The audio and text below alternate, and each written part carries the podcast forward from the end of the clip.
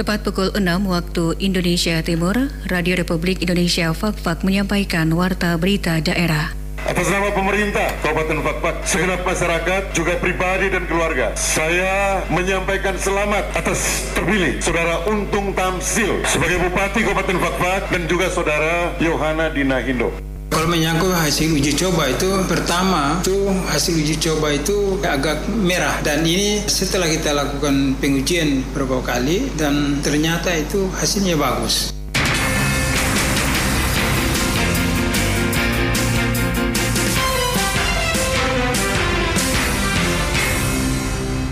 Selamat pagi, Sari Berita. DPRD Kabupaten Fakfak menggelar sidang paripurna masa sidang pertama tahun 2021 membahas raperda tentang anggaran pendapatan dan belanja daerah Kabupaten Fakfak tahun 2021. Bupati Muhammad Uswanas mengucapkan selamat kepada Bupati dan Wakil Bupati terpilih Untung Tamsil dan Yohana Dina Hindom. Itulah berita utama edisi hari ini, Jumat 19 Februari 2021, selengkapnya bersama saya, Siti Nur Aisyah.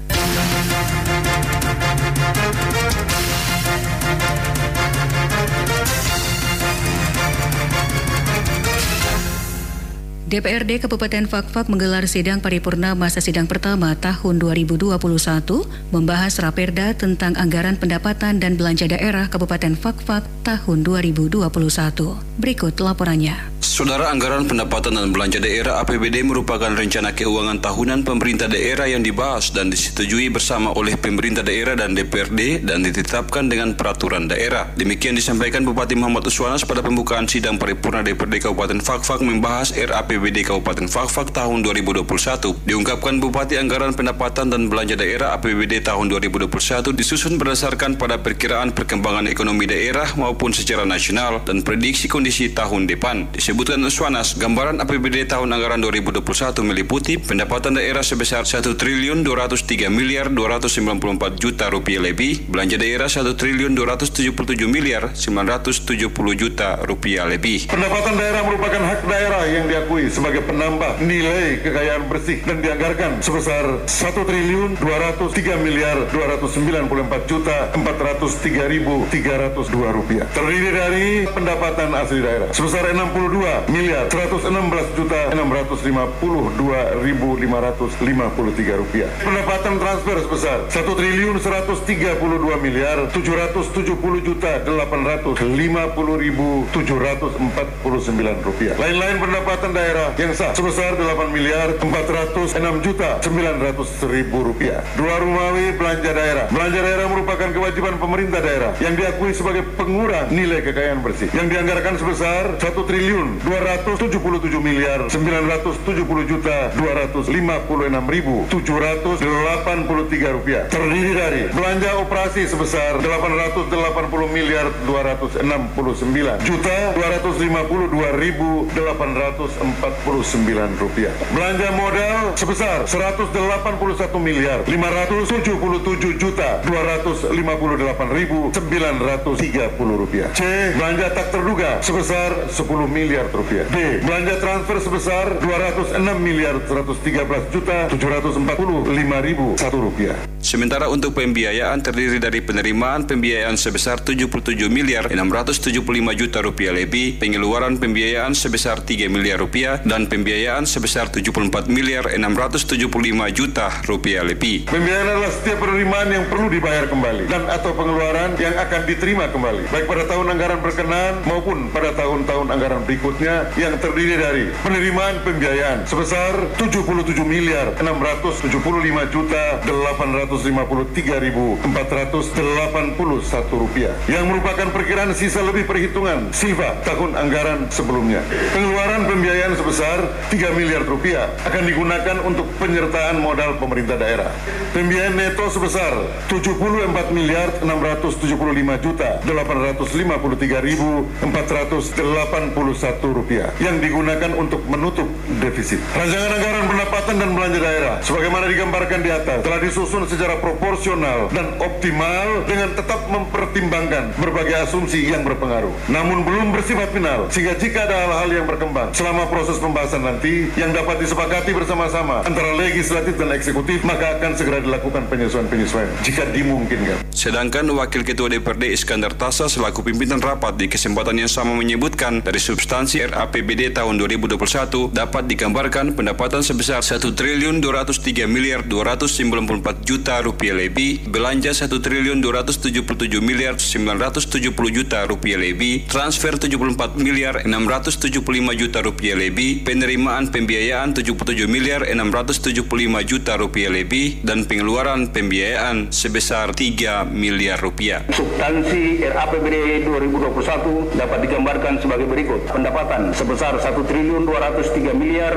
294 juta 403 ribu 302 rupiah. Belanja sebesar 1 triliun 277 miliar 970 juta 256 ribu 783 rupiah. Transfer surplus defisit sebesar 74 miliar 675 juta 853 ribu 481 rupiah. Penerimaan pembiayaan sebesar 77 miliar 675 juta 853 ribu 481 rupiah. Pengeluaran pembiayaan sebesar 3 miliar rupiah. Untuk komponen pendapatan asli daerah, Kabupaten Papua di tahun anggaran 2021 mengalami penurunan sebesar 13,70 persen, sedangkan untuk dana transfer pemerintah pusat dan pendapatan transfer antar daerah mengalami kenaikan 41,37 persen, sedangkan khusus lain-lain pendapatan daerah yang sah mengalami penurunan yang cukup signifikan dari 378 miliar 24 juta 172 ribu 749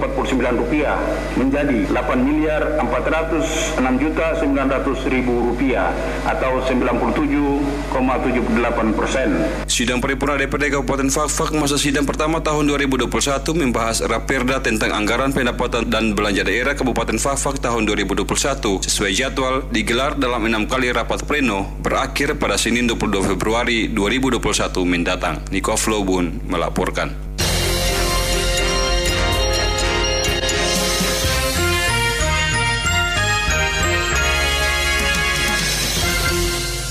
Saudara, Bupati Muhammad Uswanas mengucapkan selamat kepada Bupati dan Wakil Bupati terpilih Untung Tamsil dan Yohana Dinahindom. Ucapan selamat tersebut disampaikan Bupati saat memberikan sambutan dalam pembukaan sidang paripurna DPRD Kabupaten Fakfak yang membahas Raperda APBD Kabupaten Fakfak tahun 2021 pagi kemarin. Selengkapnya berikut pernyataan Bupati Muhammad Uswanas. Atas nama pemerintah Kabupaten Fakfak, segenap masyarakat, juga pribadi dan keluarga, saya menyampaikan selamat atas terpilih Saudara Untung Tamsil sebagai Bupati Kabupaten Fakfak dan juga Saudara Yohana Dinahindo. Ini Bupati Fakfak, bukan Bupati tim sukses. Hari ini selesai semua polemik dan pertikaian politik di Kabupaten Fakfak. Kemarin boleh bentak-bentak, baku hantam, ajukan berbagai macam perbedaan-perbedaan persepsi tajam. Itu dinamika politik. Sudah selesai, keputusan MK berarti inkrah van gewisde. Inkrah van gewisde itu ada asas emno orges. Artinya apa? Patut dihormati, dilindungi, dan dilaksanakan di seluruh wilayah oleh subjek hukum, di seluruh wilayah di mana hukum itu ditetapkan. Selesai. Ya, selamat sekali lagi untuk saudara Untung Tamsil dan saudara Yohana Dina Indo. Kita semua harus yakin bahwa beliau berdua akan baik melaksanakan tugas-tugas pembangunan sebagai bagian dari melanjutkan apa-apa yang sudah kita laksanakan dari waktu ke waktu. Kita semua patut mendukung, termasuk saya Bupati aktif dan Wakil Bupati harus mendukung. Supaya apa? Capaian-capaian percepatan pembangunan daerah kita segera kita capai. Kita semua berdoa kepada Tuhan Yang Maha Kuasa, Allah Subhanahu Wa Taala supaya memberikan kekuatan kepada beliau berdua, juga kepada DPR, pada sistemnya di, di pemerintah pemerintah daerah dan kepada segenap masyarakat dalam peran partisipasinya. Sehingga apa yang menjadi harapan, harapan leluhur, harapan-harapan kita semua dalam upaya peningkatan pembangunan, kemajuan, dan juga kesejahteraan, insya Allah terwujud dan negeri kita menjadi negeri yang selamat, toto, tentrem, kertora harjo. Negeri yang dijauhkan Tuhan yang Maha Kuasa dari segala pencobaan. Negeri yang baldatun, tayyibatun, warabun gafur. Sebagai Bupati, saya minta kepada kedua tim untuk saling berangkulan. Definisi politik hilang. Sekarang definisi kebersamaan untuk membangun daerah kita. Ini daerah kita. Kalau bukan kita siapa lagi? Kalau bukan sekarang, kapan lagi? Terima kasih Anda masih menyimak Warta Berita Daerah Produksi Radio Republik Indonesia Fak-Fak.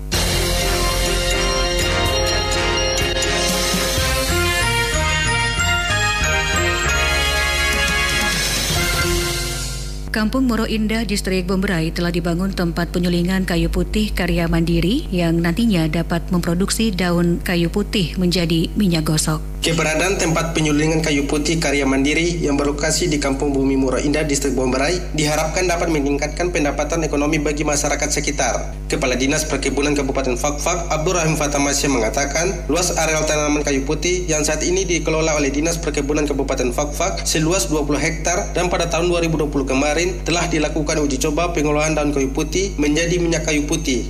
Dikatakan pengolahan daun kayu putih dilakukan oleh kelompok-kelompok masyarakat yang berada di Kampung Bumi Muro Indah. Khusus menyangkut dengan kegiatan penyulingan kayu putih ini, ya setelah kita dulunya Dinas Kehutanan Perkebunan, kita ada kegiatan yang dari dana regulasi kita akan kita apa menanam kayu putih dan realisasi di Bombarai ini, kemudian juga di distrik Tomage itu sekitar total 20 hektar tertanam kayu putih. Dan pada tahun 2020 kemarin ya alhamdulillah kita mulai uji coba untuk pengolahan daun kayu putih menjadi minyak kayu putih yaitu kita tempatkan mesin pengolahan kayu putih di Kampung Bumi Moro Indah yang dilakukan oleh kelompok-kelompok uh, masyarakat di situ dengan melibatkan masyarakat yang pemilik uh, lahan kayu putih. Abdul Rahim Fatamasa menambahkan, penanaman daun kayu putih yang dilakukan oleh kelompok masyarakat Kampung Bumi Muro Indah Distrik Bombray mulai dilakukan sejak tahun 2015 yang lalu, namun mesin-mesin untuk penyulingan merupakan mesin yang masih sederhana. Menyangkut dengan kayu putih ini bahwa kita penanaman itu mulai dari 2000 dari 2015 2015 kita kita penanaman. Dan untuk mesin-mesin yang ada di sana itu masih bersifat sederhana. Sederhana dengan menggunakan mesin penyulingan penyulingan sederhana saja yang prinsipnya adalah bisa dilakukan oleh masyarakat bukan teknologi tinggi tapi itu bisa dilakukan oleh masyarakat sendiri. Dan ke depan juga kita harapkan bahwa ketika ini minyak kayu putih sudah bisa diolah dan ini nanti kita buatkan kemasannya, kemudian labelnya, kemudian ini bisa kita uh, pasarkan minimal bisa sedikit lah bisa menjadi kebanggaan bagi masyarakat Fapa juga kebanggaan bagi masyarakat yang memiliki kayu putih tersebut. Sementara hasil dari uji coba penyulingan tanaman kayu putih di distrik Bombray, menurut Kadis Perkebunan, hasil uji coba pertama, warna dari minyak kayu putih tersebut agak kemerahan, namun setelah melakukan uji coba beberapa kali berikutnya, hasil pun memuaskan.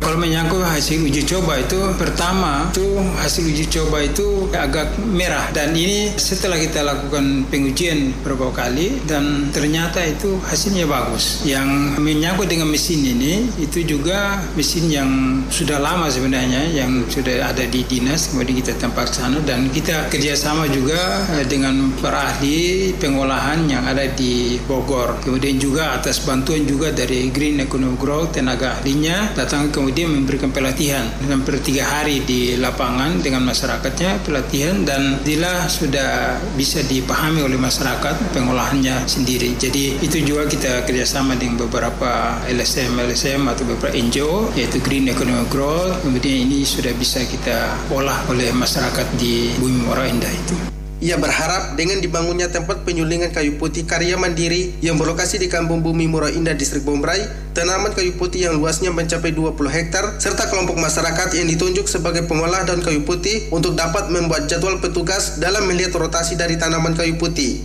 Selain itu, ia juga berharap adanya peran serta masyarakat, khususnya masyarakat di Kampung Mitimber, Kampung Tesa, maupun di distrik Bombra itu sendiri untuk melakukan pengolahan daun kayu putih secara bersama-sama sehingga nantinya dapat meningkatkan pendapatan ekonomi bagi masyarakat sekitar. Janwardi melaporkan.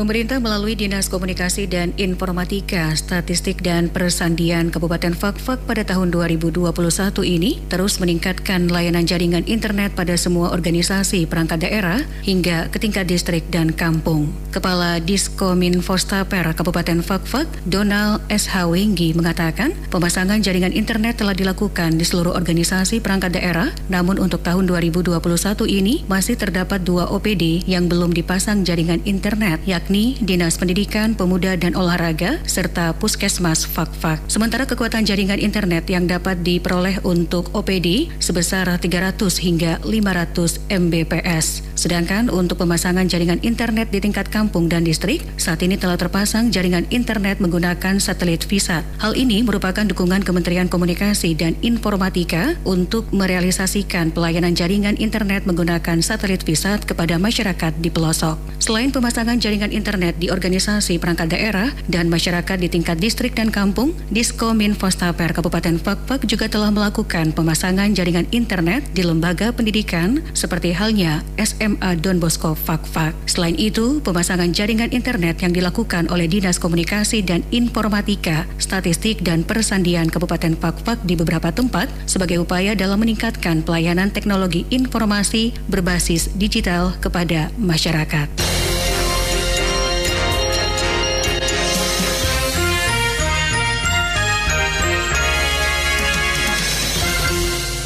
Kepolisian Resort Kaimana telah menyerahkan berkas perkara tahap 1 dan beberapa barang bukti perkara kasus percobaan pemerkosaan kepada dua orang wanita lansia ke Kejaksaan Negeri Kaimana. Penyerahan berkas tersebut dilakukan setelah penyidik Satreskrim Polres Kaimana melaksanakan pemeriksaan terhadap sejumlah saksi dan oknum pelaku FM 33 tahun yang kini telah ditetapkan sebagai tersangka. Kanit PPA Satreskrim Polres Kaimana, Ibda Lutfi Bafadal membenarkan hal tersebut. Dijelaskan dari hasil pemeriksaan, tersangka telah mengakui perbuatannya karena dilakukan dalam kondisi mabuk berat akibat dikuasai minuman keras. Ibda Lutfi menerangkan, tersangka tidak dapat menceritakan kembali seluruh kronologis kejadian, namun karena adanya beberapa saksi yang pada saat itu melihat pelaku berada di TKP, sehingga pelaku pun mengakui perbuatannya. Dengan perbuatan percobaan pemerkosaan yang dilakukan tersangka FM tersebut, maka Polres Kaimana menjeratnya dengan pasal 289 KUHP dan atau pasal 53 ayat 1 KUHP junto pasal 285 KUHP dengan ancaman hukuman 12 tahun penjara. Anda masih mendengarkan RRI Radio Tangga Bencana COVID-19. Saudara, meski telah diperbolehkan melakukan latihan seni bela diri Indonesia Tapak Suci Putra Muhammadiyah di masa pandemi COVID-19, Sekretaris Umum Perguruan Seni Bela Diri Tapak Suci Kabupaten Fakfak, Andi Liana Nur Sujada, menghimbau kepada seluruh anggota Tapak Suci untuk terus dapat memperhatikan protokol kesehatan pencegahan COVID-19. Dikatakan, sebelum melakukan latihan pada saat ini, terlebih dahulu pihaknya menunggu konfirmasi ataupun surat resmi dari pimpinan daerah Muhammadiyah Cabang Fakfak Fakfak apakah di masa pandemi COVID-19 latihan seni bela diri tapak suci dapat dilanjutkan atau tidak. Menurutnya, untuk program latihan bagi seluruh cabang seni bela diri tapak suci masih dipusatkan di tiga tempat, yakni di lapangan Madrasah Alia Negeri Fakfak, lapangan SMK Yapis Fakfak, dan lapangan MTS Muhammadiyah Seberang. Sementara porsi latihan masih dilakukan seperti biasanya, namun cara pelatihan agak sedikit berbeda disesuaikan dengan kondisi pandemi saat ini. Ia menambahkan, selain Selain meningkatkan performa dari anggota seni bela diri tapak suci, kegiatan latihan ini juga sebagai bentuk untuk menjaga kesehatan diri dan fisik serta meningkatkan imun tubuh. Sekian Warta Berita Daerah Produksi Radio Republik Indonesia Fak-Fak.